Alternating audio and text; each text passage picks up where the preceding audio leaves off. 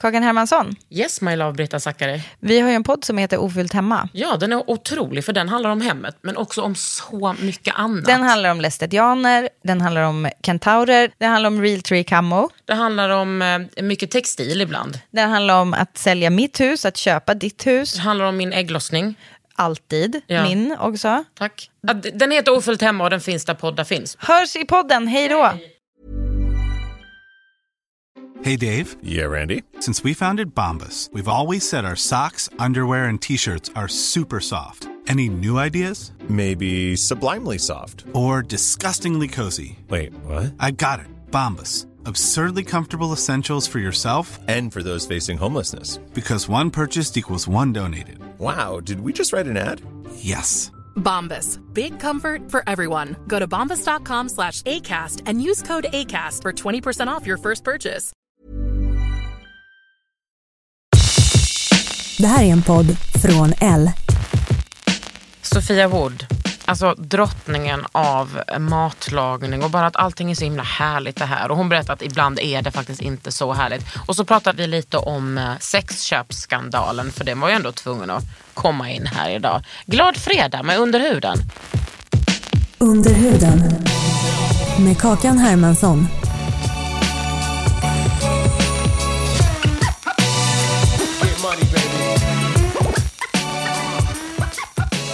Vi fick ju precis reda på att en känd tv-person, pers personlighet, Och entreprenör.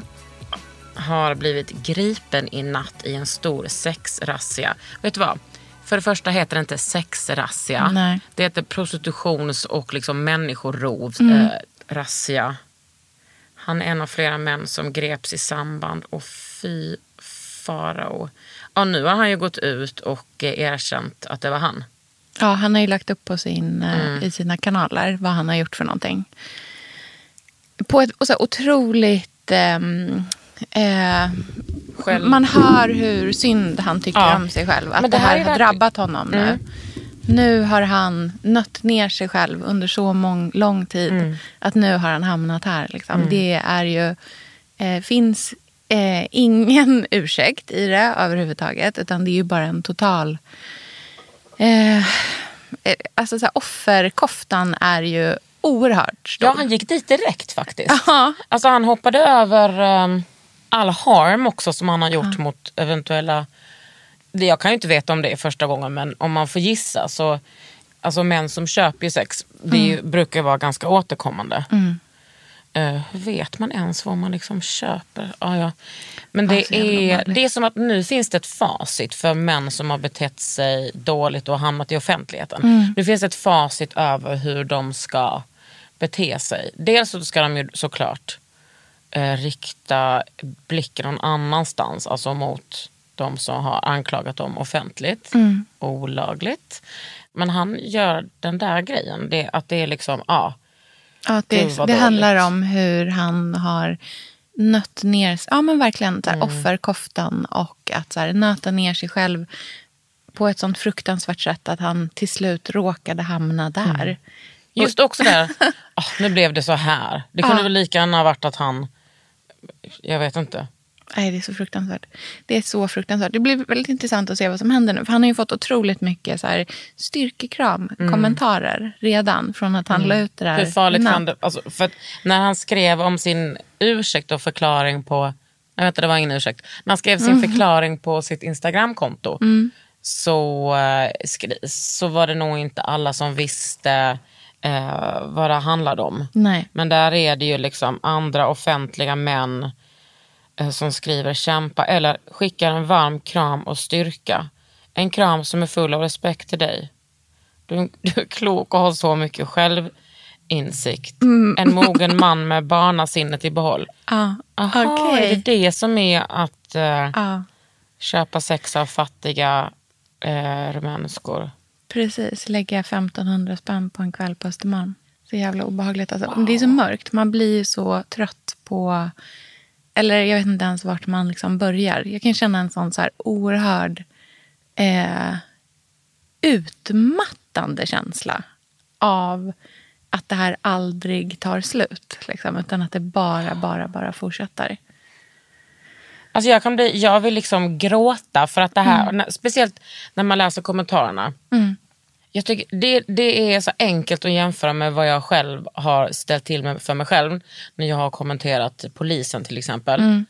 Så här såg det inte ut på min... Nej. Efter en tweet som jag har bett om ursäkt för, som jag ångrar så mycket, så såg det inte ut så här på min Instagram. Nej, eller men du är ju eh, också liksom lesbisk kvinna. Eh, inte... Som är tjock. Det, Ja, inte ja. liksom vit, straight man Mm. eh, med eh, massa pengar och eh, alla de här fördelarna som bara han kan tilldelas. Liksom, i den. Det är helt otroligt eh, att läsa hans kommentar. Det här, är- åh, här, du lagar god mat och jag ler alltid. Ja. Alltså, så, jag, vet, jag vet inte ens vad man säger. Det här är väldigt intressant. Här har en kvinna skrivit, uppenbarligen är ditt konto kapat. Så har någon svarat, eller så är han inte den du tror. Ja, jag såg också det, att det hade spekulerats jättemycket i att hans konto var kaprat. Att det här inte alls är... Han kan inte ha skrivit det här. för att Hur skulle han ha kunnat gjort någonting som är så hemskt? Jag bara undrar så här, om en kvinna hade lagt ut ett liksom, Instagram-inlägg där hon, utan att nämna vad det är hon har gjort, eh, hade sagt att hon har liksom, så här, nått någon typ av botten och att nu kommer hon förlora allt. Och hon har gjort så här. Kommer man mötas av så här, samma självklara upp... Liksom, eh, han är ju uppburen av folk som inte har någon aning om vad han har gjort. Om- Också eh, som har en aning om nu Ja. vad han har gjort. Ja, ja eh, vi får se. Mm. Men det, det är så, jag, jag använder ordet intressant, det är intressant. Det är, det är inte intressant, det är liksom facit på hur vidrigt det här... Fan man tjatar om patriarkat, men patriarkatet är ju liksom... Jag är så trött på att ta det ordet i mitt namn, eller i min mun. Jag är trött på att det liksom är...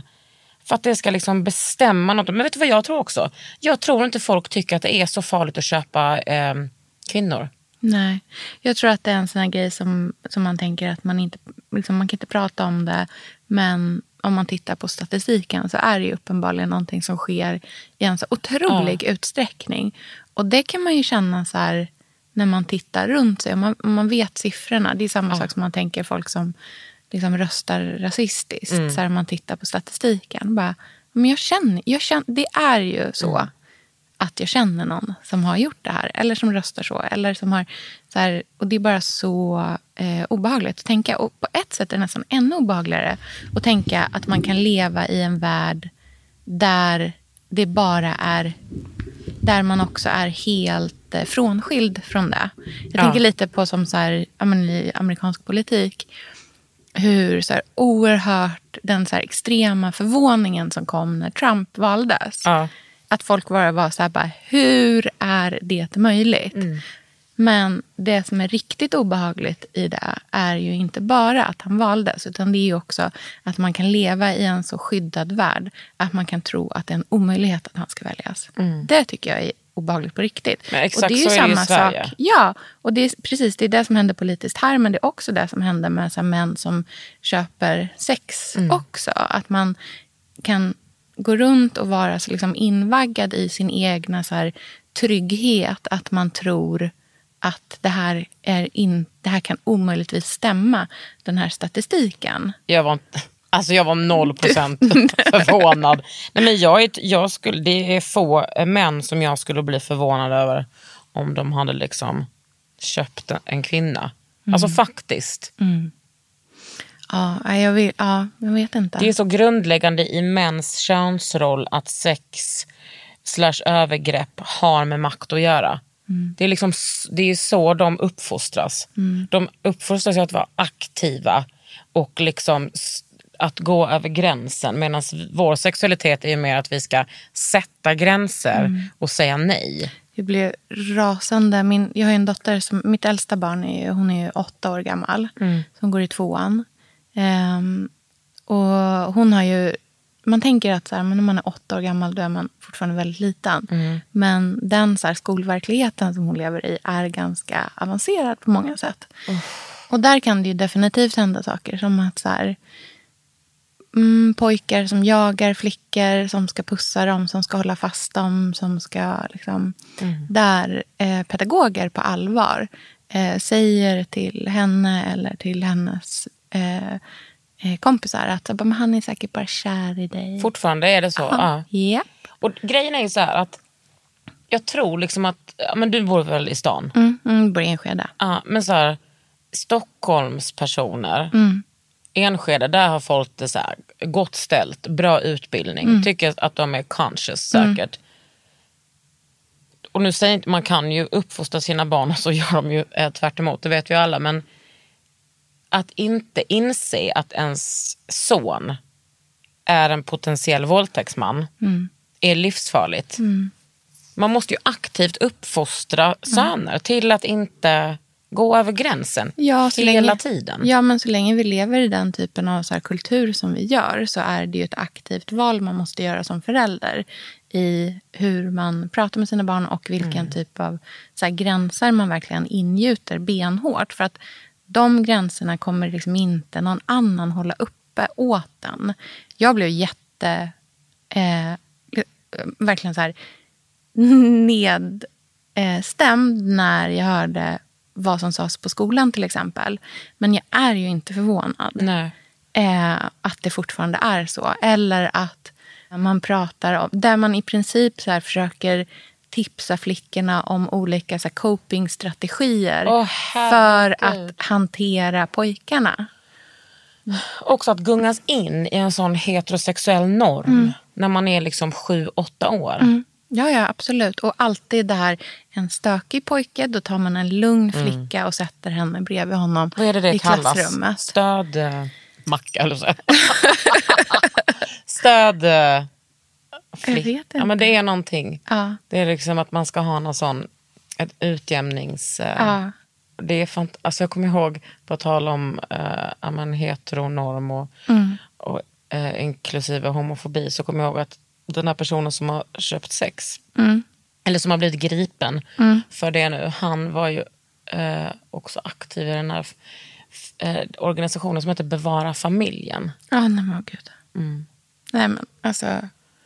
Och det är också så här sjukt. Hur kan en person ha liksom haft så homofo öppna, stolta, homofoba, liksom så här, to the core åsikter och sen så bara får han fortsätta ha jättebra jobb. Mm, verkligen, bara jular genom livet. Ja, jular genom, pastahjular genom livet. Ja.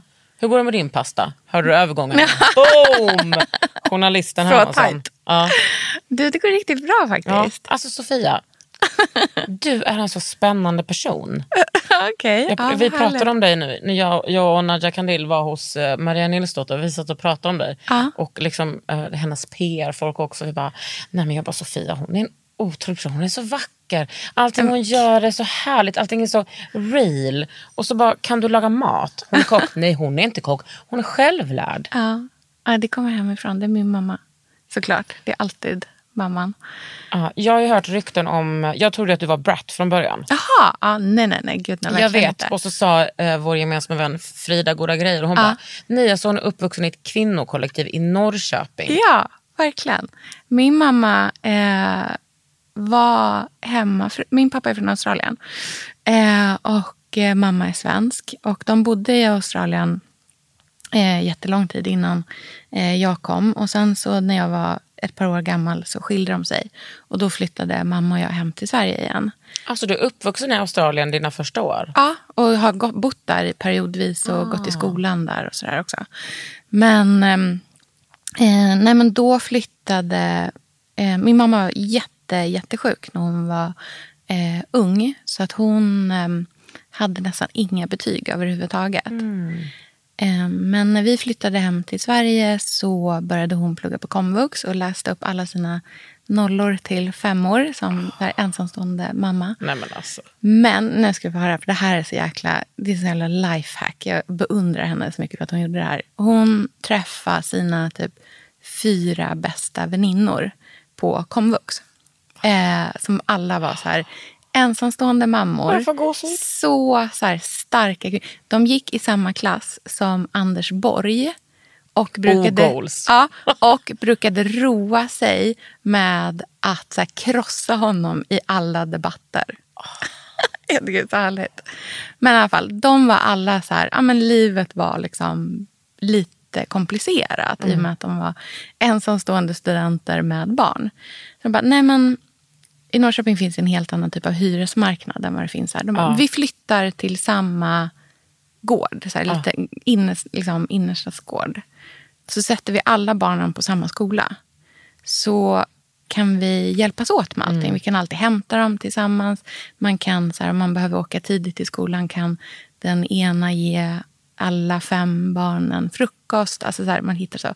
Och för att lösa sommar, eh, sommaren när alla de behövde sommarjobba, typ inom så här, äldreomsorgen och allt vad det nu kan vara, eh, i och med att de var studenter, eh, så hittade de en storbonde strax utanför Norrköping som hade eh, jättemycket mark och bland annat så stora gamla eh, röda sekelskiftsvillor med vita knutar vid vattnet.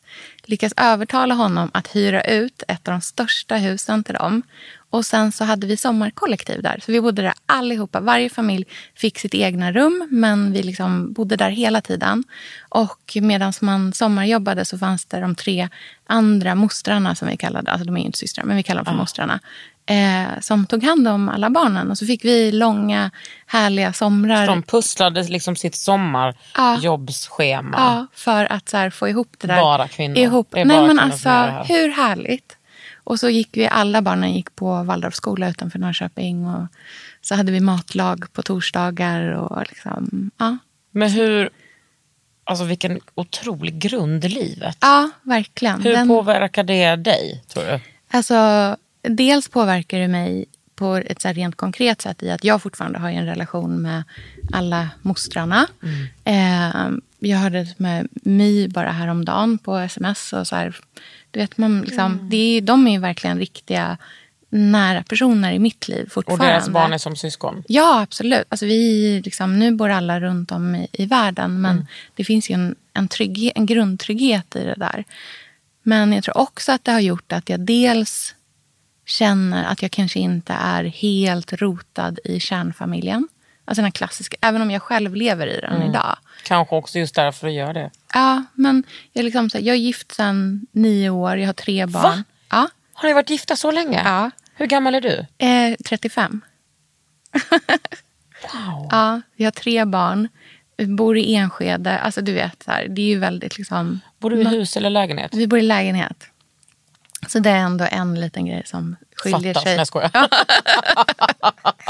Men jag kan ju fortfarande känna att så här, jag inte är... Jag tycker jättemycket om mitt liv men jag känner verkligen att det inte är det enda sättet att leva på. Och det är inte alls självklart att det ska vara så. Jag tycker heller inte att andra sätt att leva på överhuvudtaget är sämre. Nej.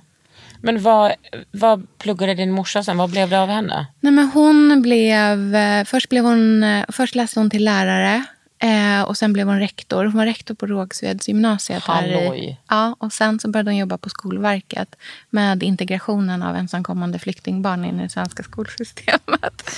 Och nu är hon rektor igen i Norrköping på en jättebra eh, skola som har, eh, eh, tar jättemycket elever som har ehm, ja, men som är nyanlända. Och så där. Det, hon har specialiserat sig på det. Så att vi, hon har alltid varit väldigt specialiserad just på, ja, men på så invandrare och integration och i relation till utbildning framför allt. Vilken drottning. Nej, men alltså, hon är den... Du skulle älska henne. Ser hon ut som du? Ja, vi är ganska lika faktiskt. Men alltså, hon är den mest fantastiska personen någonsin. Och hon är en jävla fena i köket. Så det är henne Well, det kommer ifrån. Men du, vad hände med din farsa då? Ja, men det är en helt annan rela- är en helt annan relation. Ja, det är en helt annan podd. Nej, men han är ju en helt annan typ av person. Han, när de träffades, de träffades på Paradise Beach på Mykonos när mamma var 18 och han var 33 eller 34 kanske. Du driver. Nej, men du, det blir värre. Paradise Han var då alltså modell, Marlboro-man-modell. Alltså du vet så här Stetson-hatten på en häst. Stegar upp till henne med sitt set card. och är sitt modellkort. Nej. Jo. Med sitt, Haja! ja, och bara I'm gonna marry you. Klipp till. Hon bara. Skilda elva år senare.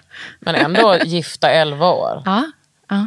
Men också... Men det gick inte för dem att fortsätta vara gifta för att han, är, han kommer från en jätte... Han, min pappa är jättebra på massor med sätt men han kommer från en så oerhört konservativ bakgrund. Han är själv uppvuxen på så här, internatskola och skickades på internat när han var typ fyra år gammal. Alltså, han alltså för inte... att han är rik konservativ eller bara... Varför skulle Nej han men både och. Nej, men, eller jo, men han, ja, han har konservativ, väldigt konservativa värderingar. han, han har också det? Ja. Han fick, ja, ja. Och vad heter det, när han eh, var gift med min mamma så kunde han inte tänka sig att hon skulle jobba. Han ville att hon skulle sjukt. vara liksom Han hemmafru. bara, vet du vad gumman, jag är, jag är 15 år äldre än du. mm, nu jag- är det jag som bestämmer här. Så att det är därför som det liksom inte gick till slut. Hon kunde inte eh, hålla ännu en representationsmiddag. Det gick inte. Liksom. Men så alltså, då flyttade vi tillbaka till Sverige. Hur länge var han Mal, Marlboro-modell? Det kan man ju inte leva på, eller? Nej, nej, nej, han är arkitekt. Ja. Eh, och eh, jobbade som det också. Alltså, så här, han har alltid varit det. Men så när du, när du och din mamma flyttade till Sverige, då bodde han kvar. Mm, han stannade. Hur gammal var du då? Eh, vad kan jag vara? Typ tre, fyra, något sånt där. Ja. Alltså, vet du, ja. Nej, men han stannade kvar. Jag tror att de vid något tillfälle så försökte de prova att bo i Sverige. Men då, det här är på 80-talet, då fick inte han jobba som arkitekt i Sverige fast att han redan hade liksom en etablerad karriär. Utan då hade han behövt läsa om på arkitekturhögskolan. Och det kunde han absolut inte tänka sig att göra. Så att han stannade kvar där och mamma och jag kom till Sverige och hon startade om livet från ingenting. Liksom har du haft mycket problem att han gjorde det valet, att inte vara med dig? Jag tror att jag kände en så här enorm... Um, jag hade honom på en så här otrolig pedestal jättelänge. Uh, och såg upp till honom. För också för att det här livet där, när jag var liten. För jag brukade uh, flyga ner över jul och nyår och vara där då. Um, och flög liksom själv när jag var så här, sex år gammal. Vilket, ja, det är också en till podd. Det var hemskt. Men då, det livet som var där, om man jämför med det livet som jag hade hemma i Norrköping, var ju jätteannorlunda. För hos pappa var det ju verkligen så där lyx och flärd. Och han var så liksom... Jag, tror, ja, men jag såg på det med ett, så här, ett barns ögon och satte honom på en otrolig pedestal. Och sen så skulle jag bo där ett år när jag var 15 och eh, gå i skolan. Och då var det som att hela den liksom, pedestalen rasade. Och Skulle du bo med honom då? Ja. Eh, och eh, han, vi hade liksom otroliga bråk och han var väldigt sådär... Men sa verkligen så rakt ut att du måste förstå att liksom, du är inte den personen som jag älskar mest. Och, liksom, utan det är min, styv, min då. och Så, där. så att det blev ju en sån jättekris för mig. Han var tvungen att säga det. Ja, Har han Eh. nya barn?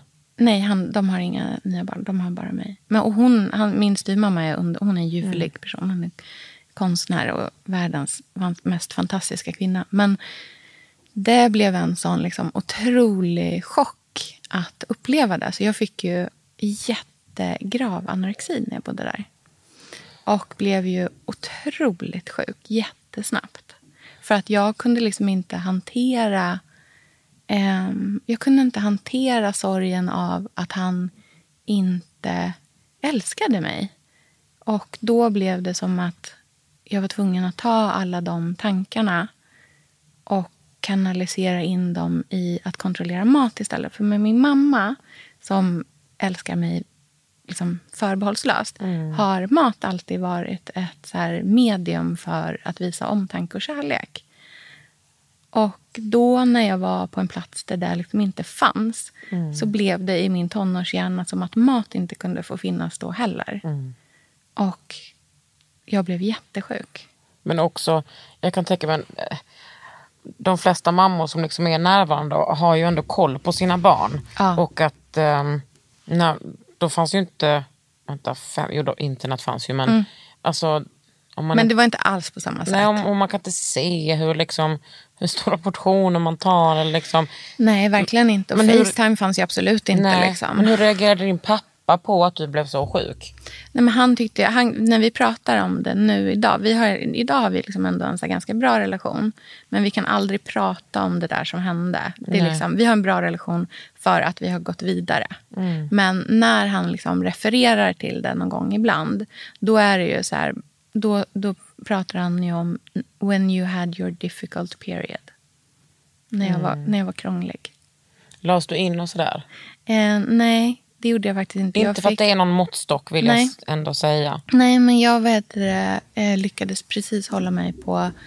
För att jag kom ju hem till Sverige där efter ett år. Och Hade Man- du inte träffat din mamma på ett Nej. år då? så hon, alltså hennes sammanbrott i ankomsthallen på Arlanda. Mm. För hon hade inte förstått hur sjuk jag var heller. Liksom. Åh, men när jag kom herregud. så här, utspatserandes där genom... typ- Nej. Skinn och ben och brun typ. Ja, alltså så jävla sjuk. Vilken bra reaktion att bryta ihop. Ja. Alltså, Ja, Det är det bästa man kan göra, tänker jag. Ja. Och det är ju sådär att liksom... Ja, nej men så att jag fick jättebra, eh, sna- väldigt snabbt, väldigt bra hjälp av, en em, terapeut. Jag gick i terapi jättemycket. Mm. Eh, hos en dietist. Jag var på vägningar liksom helt, två gånger i veckan. Mm.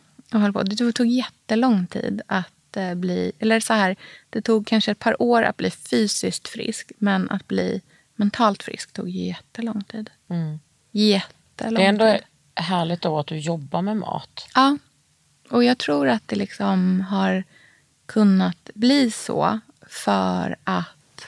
Dels för att jag känner mig genuint frisk. Att, jag inte, att det inte är problematiskt längre. Men också tror jag att det handlar... Det som gör det liksom lättare för mig, eller man ska säga, är att det som triggade min ätstörning inte var relaterat till kroppen och mat. Utan det var relaterat till så här känslolivet och mat. Och kontroll.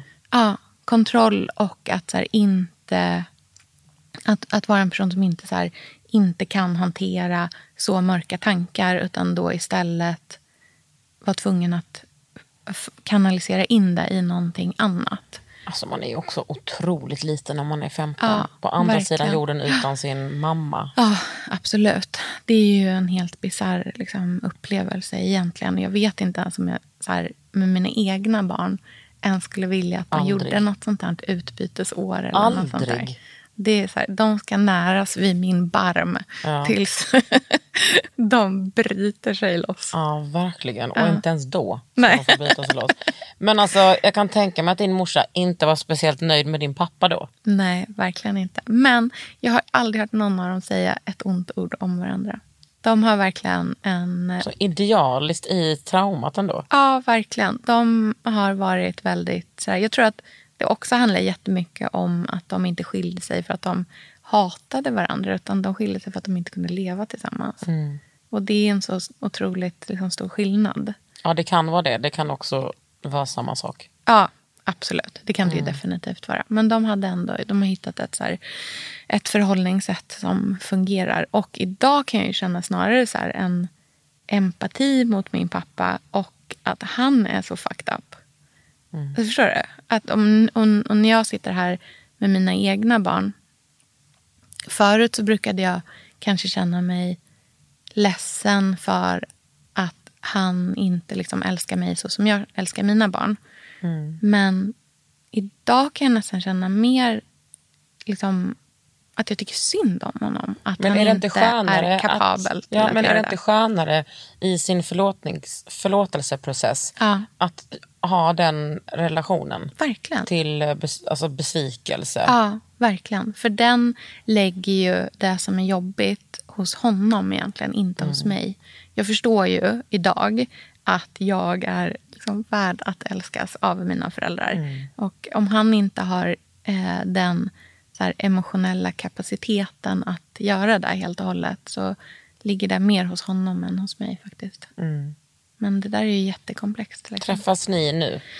Eh, nej, nu ses vi ju inte på grund av liksom allting som... Ja, men på grund av corona. Ja. Men har han Men- träffat dina barn? Ja, ja absolut. Vi brukar alltså, tidigare har vi alltid försökt att vara där en gång per år. Men nu de senaste... Nu är det typ... Mm, vad kan det vara? Jo, men Selma och jag var där när hon... Vi åkte ner, för min farbror gick bort plötsligt. Så när Selma var 11 veckor, då flög jag ner med henne själv. Alltså lilla Selma. Ja. eh, och eh, gången innan där så var det nog kanske tre år sedan vi var där. Men de har varit här två gånger emellan.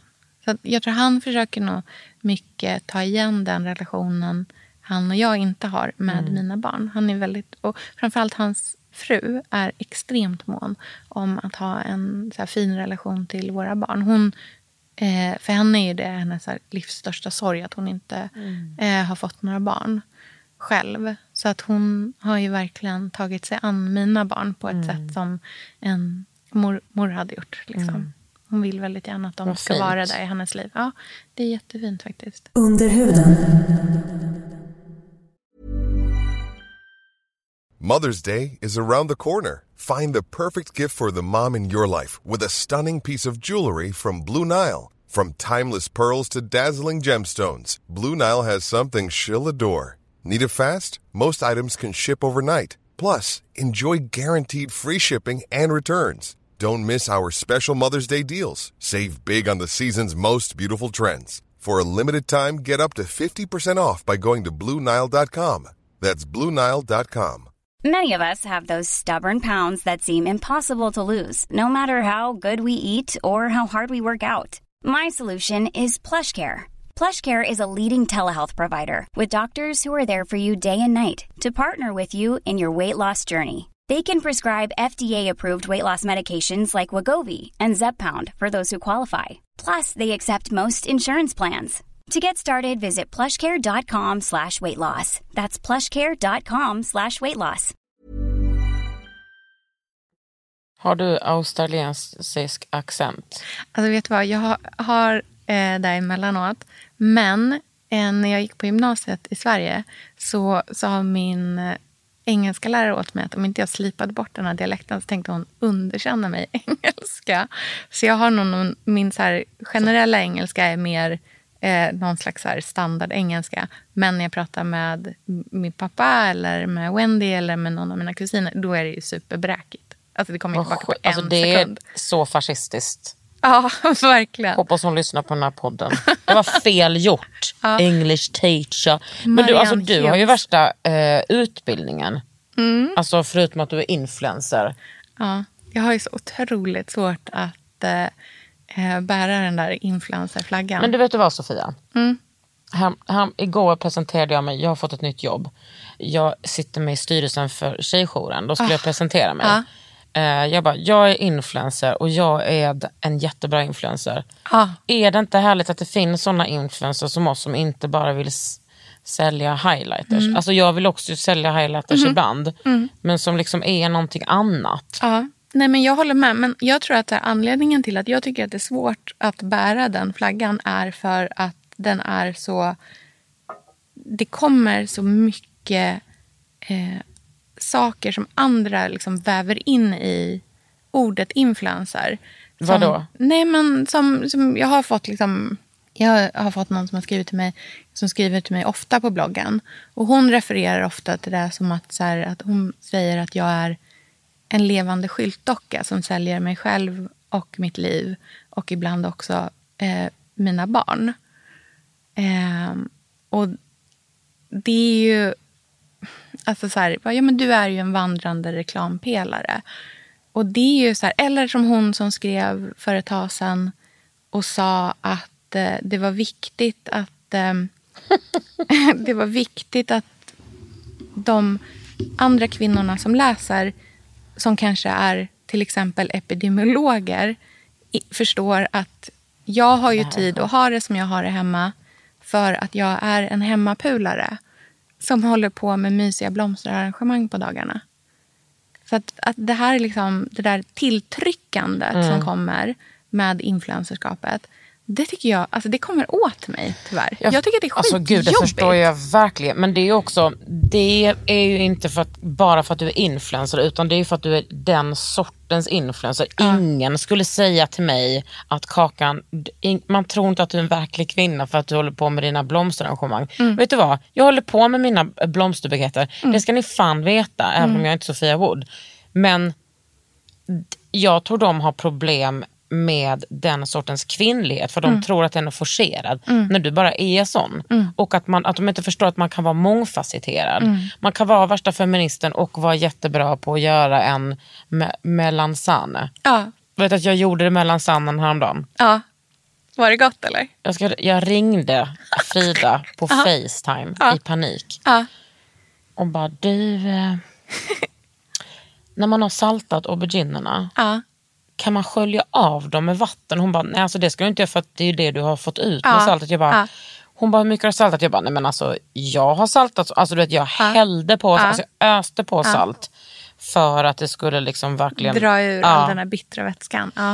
Nej, men det slutade med att jag stod och gned bort och stod och Man kan ju bara lite. torka av med lite eh, fuktigt typ hushållspapper. Men du fattar inte hur mycket. Du fattar, det var salt överallt i hela min lägenhet. Okej, okej. Men den blev jättebra. Det var salt på vissa ställen, Ja. så ska jag säga. Ja. Men eh, Men det blev bra. du har ett förhållningssätt till mat som, som attraherar mig så mycket. Ja. Allting känns typ enkelt Ja. och eh, tillgängligt. Mm. Men jag tror att det hänger jättemycket ihop med att jag inte är kock. Utan att jag bara är en person som verkligen, verkligen gillar att laga god mat. Och att mitt enda mål med maten är att den ska vara så jäkla god så att du ramlar av stolen. Inte att du liksom blir imponerad av den. Nej. Det finns, Sen så kan man bli det blir också. Jo, men du fattar vad jag menar. Det, är inte, det är inga så krångliga tekniker. Och jag har också verkligen så ett aktivt val kring att inte ha jättesvåra ingredienser eller saker som man inte kan få tag på. Eller har också med boken då verkligen försökt att så här, hålla nere ingredienslistorna. Att inte ha eller så här, en krydda som bara används på ett ställe i boken. För att det är så onödigt att köpa på sig en massa skit hela tiden. Utan det är snarare så att, och det har jag fått, det fick jag någon, så här, eh, någon som nämnde, att ah, men det är lite lika ingredienser i alla rätterna. Bara, jo men det är det verkligen. Men det är också ju goals. För, ja, Att kunna alternera så Ja. många rätter på samma ingredienser.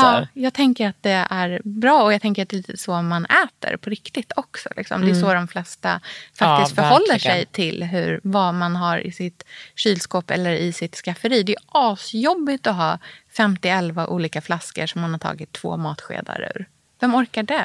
Det är, bara, det är så ekonomiskt dumt också. Där kom östgötskan in. Vem orkar det? Men Vad är det med jag det? tänker på det, på det här med liksom, att vara influencer och vara...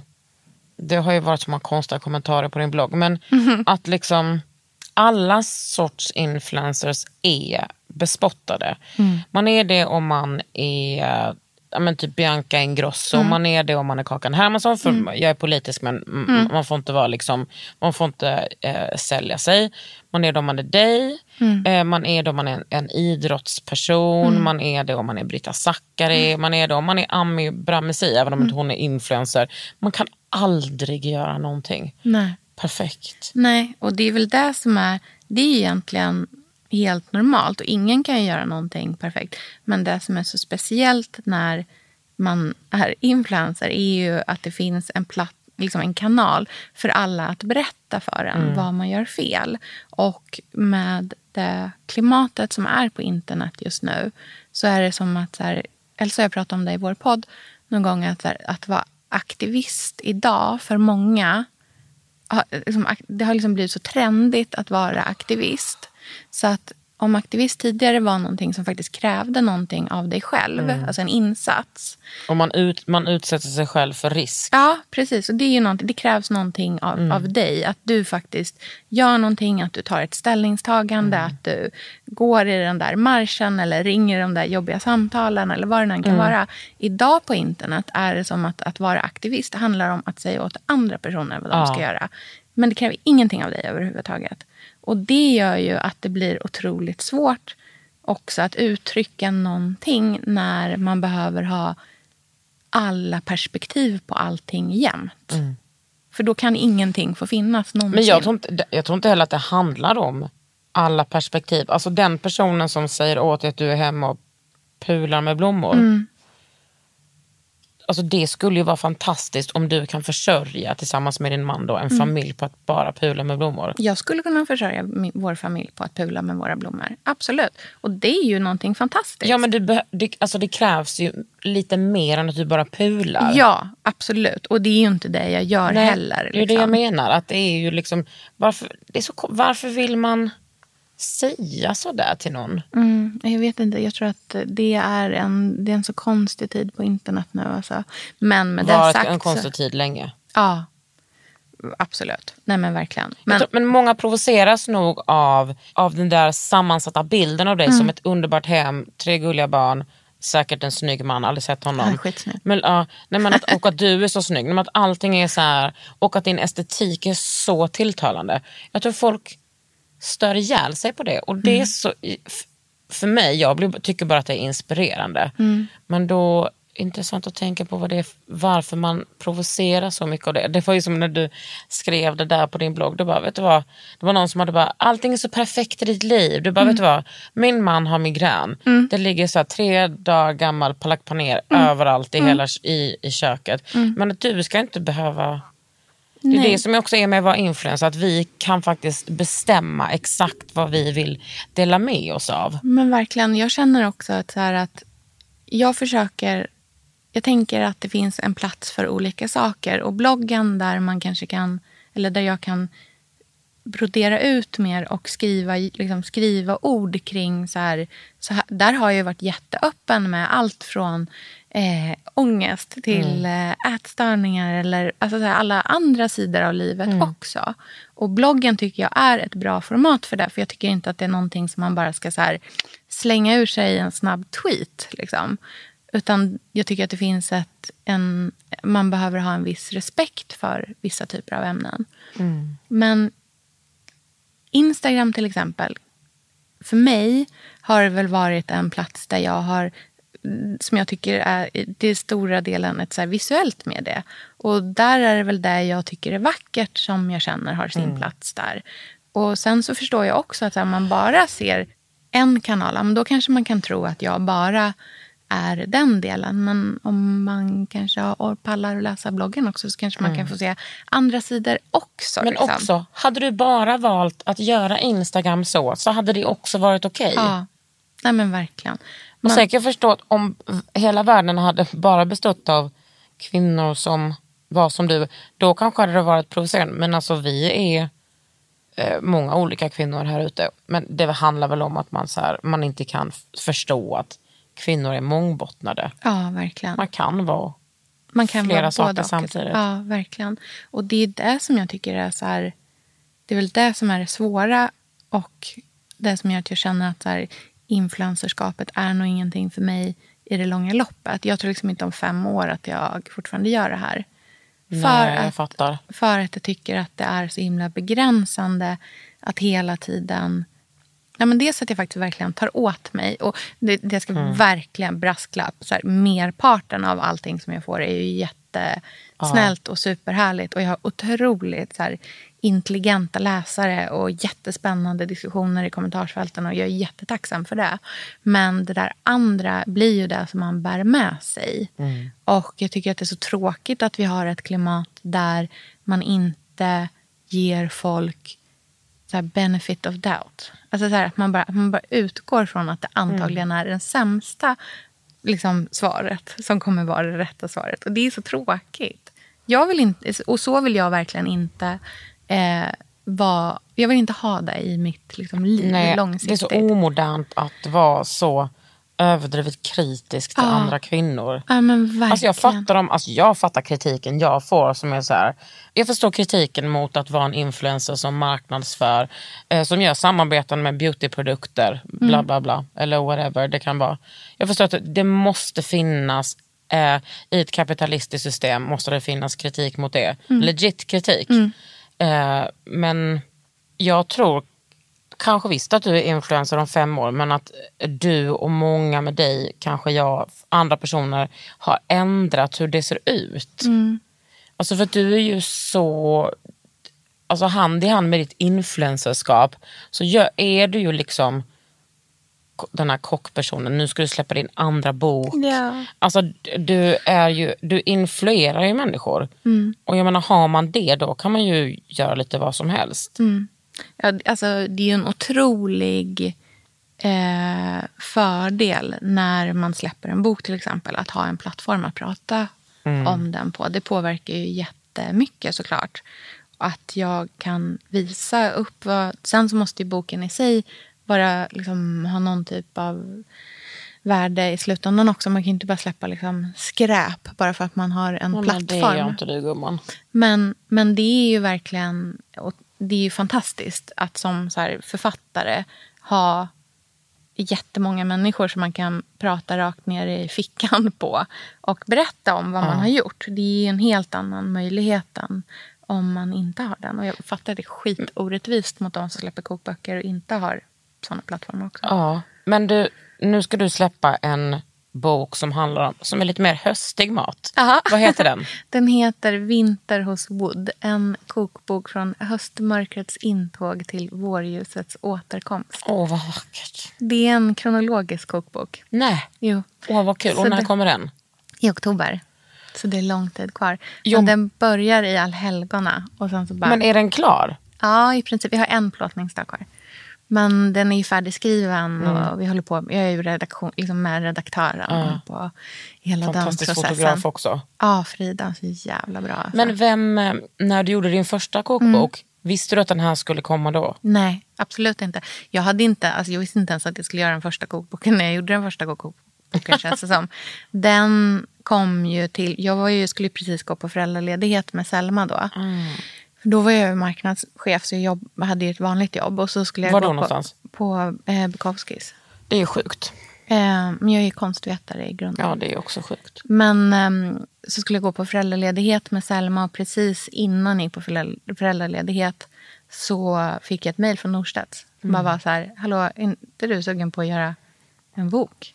Och, men var befann du dig då? Liksom? Då hade du ett Instagramkonto. Ja, men Bloggade kanske du där då? Eh, nej, jag hade ingen blogg. Eh, jag hade podden med Elsa.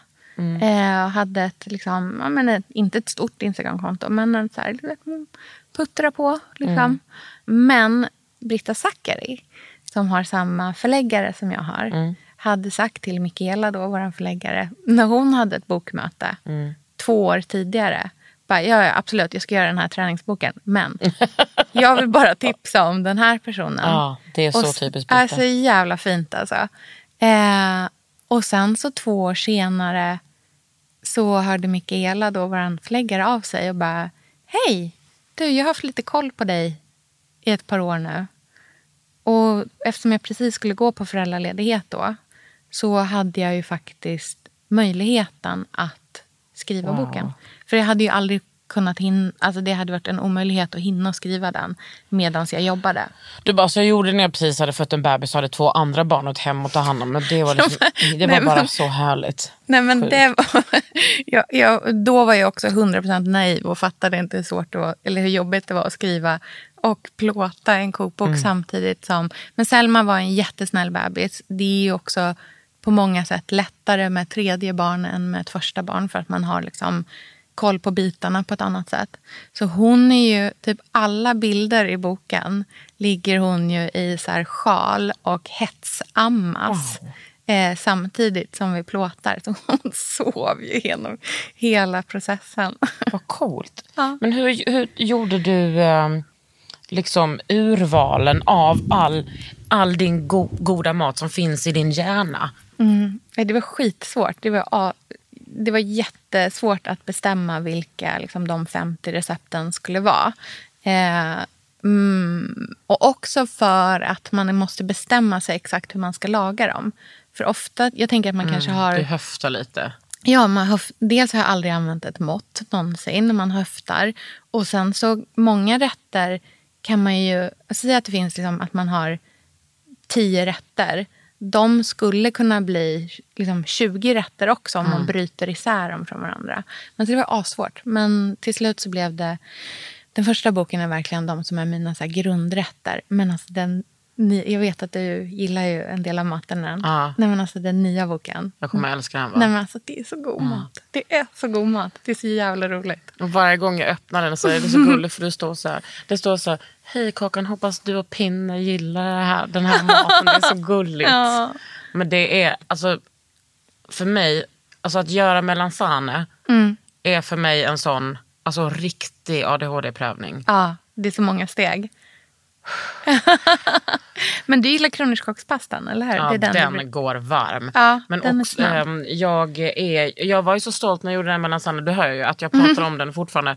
Att jag faktiskt gjorde tomatsåsen ett dygn innan. Nå, riktigt bra, för då är den så Fucking jävla pro. god också. Och sen vet jag inte, den fick puttra på där en lång tid. Ja. Sen fick den bara stå i den där grytan över natten. Ja, är det, det- så fel? Nej, det är 100% rätt. Den kan stå ute i rumstempererad utan att någonting händer? Gud, alltså, så här, det, är ingen mejeriprodukt. Alltså, ja, 100 procent. Jag tror inte man ska vara... Det här är ju mm, kanske... Det här får man också lekkvinna lyssna som talar ja, precis. Lyssna på Livsmedelsverket också. Men jag tror generellt inte man ska vara så fjompig med sånt där. Nej, alltså jag brukar äta mat som har stått framme. Eh, 100 procent. Jag brukar, Alltså, En gång åt jag en pizza som hade legat i baksätet en hel natt. Och en hel dag. Och sen när jag kom till jobbet, jag bara, där är ju min gamla pizza, den kan jag äta ikväll. Och när jag jobbar på kvällspatrullen på hemtjänst, jag bara, Ah. va? Den där goda fetaostpizzan, den där kommer jag äta igen. Ja, och he- helt ärligt, så här, typ smör, ha framme i rumstemperatur hela tiden. Det tycker jag är härligt. Alltså i en smörbytta, i en så här porslinssmörbytta. Självklart i en porslinssmörbytta, Sofia. Ja, men så att det inte blir så här kladdigt, äckligt papper. Men det, liksom, jag tycker att, det tycker jag känns... Eh, min eh, lyxigaste kompis när jag var liten eh, var eh, Justina som hade... Hennes föräldrar var från Polen. Och de hade allt, hennes mamma var Katarzyna. Hon var obducent. Och en du vet polska kvinnor som kan vara så oerhört vackra. De är så... Jag är liksom- tillsammans med en sån. Ja, men alltså, hon, du vet, det är liksom de här färgerna och det är liksom ja, men otroligt. Hon var så jävla cool och obducent. Liksom, så här, fantastisk kvinna. Hon hade alltid smör och honung framme på deras lite, lite smuliga stora träköksbord. Och för mig är det så här, det är som definitionen av kultur. Och typ Alltså, jag bara- trygghet. Ja, nej men alltså, och bara så sammetsgardiner och så den där honungsburkan. Det, jag älskar det. Jag går igång på det så jävla hårt. Alltså. Så mysigt. Jag växte upp med en, eh, en tjej vars föräldrar var ehm, från Polen. Och liksom, där, de hade verkligen en annan matkultur Mm. än vad vi hade. Det, det var så jävla gött. Eller jag växte upp med, med liksom barn från hela världen känns det som.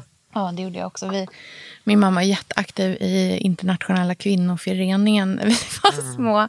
Så att, och min lillebror, hans pappa är från Chile. Så att då åt vi väldigt mycket chilensk mat också. Så jävla gott. Sjukt gott. Men du, okej, så den här boken kommer nu. Mm. Vad har du med på din lilla influencer-agenda? Ja, du måste äga det här, du måste äga uttrycket. Ja, jag måste äga uttrycket. Eh, nej, men eh, Elsa och jag börjar göra lite rörligt material tillsammans. Ja, det är så så, kul. jävla roligt. Det kommer att komma snart. Vad är det ni gör då? Vad är det ni filmar? Nej, men det är typ som podden fast i... Alltså istället för att vi sitter och eh, pratar om eh, mat så kanske vi lagar maten. Eller jag skulle jättegärna göra mer rörligt. Jag tycker att det är jättekul. Ja. Verkligen.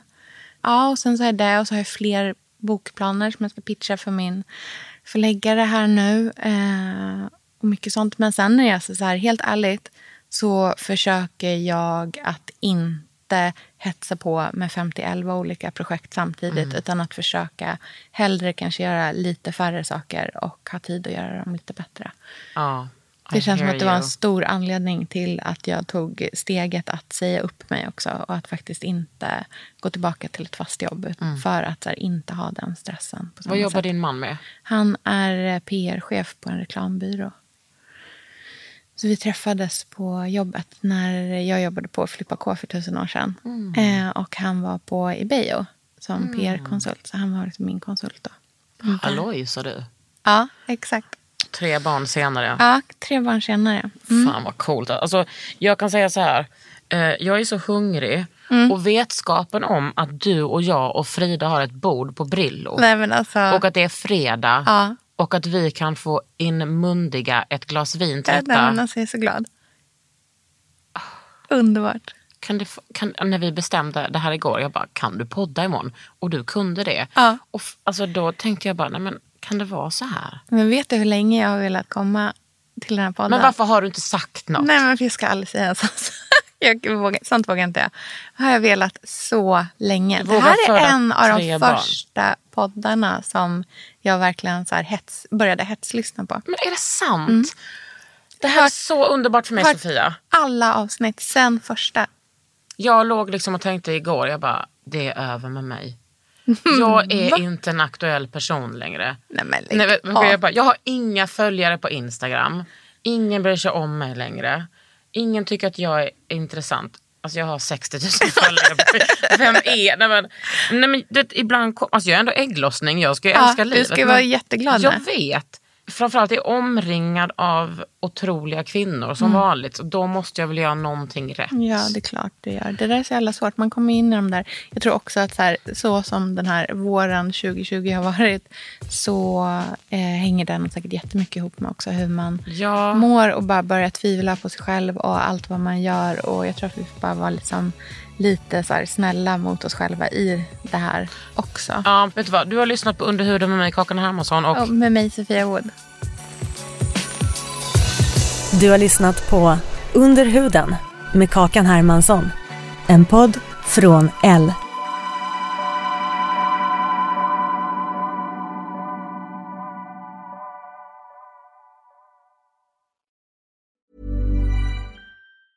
A lot can happen in three years, like a chatbot may be your new best friend. But what won't change? Needing health insurance. United Healthcare Tri Term Medical Plans, underwritten by Golden Rule Insurance Company, offer flexible, budget friendly coverage that lasts nearly three years in some states. Learn more at uh1.com. Normally, being a little extra might be a bit much, but not when it comes to healthcare. That's why United Healthcare's Health Protector Guard fixed indemnity insurance plans, underwritten by Golden Rule Insurance Company, supplement your primary plan so you manage out of pocket costs. Learn more at uh1.com.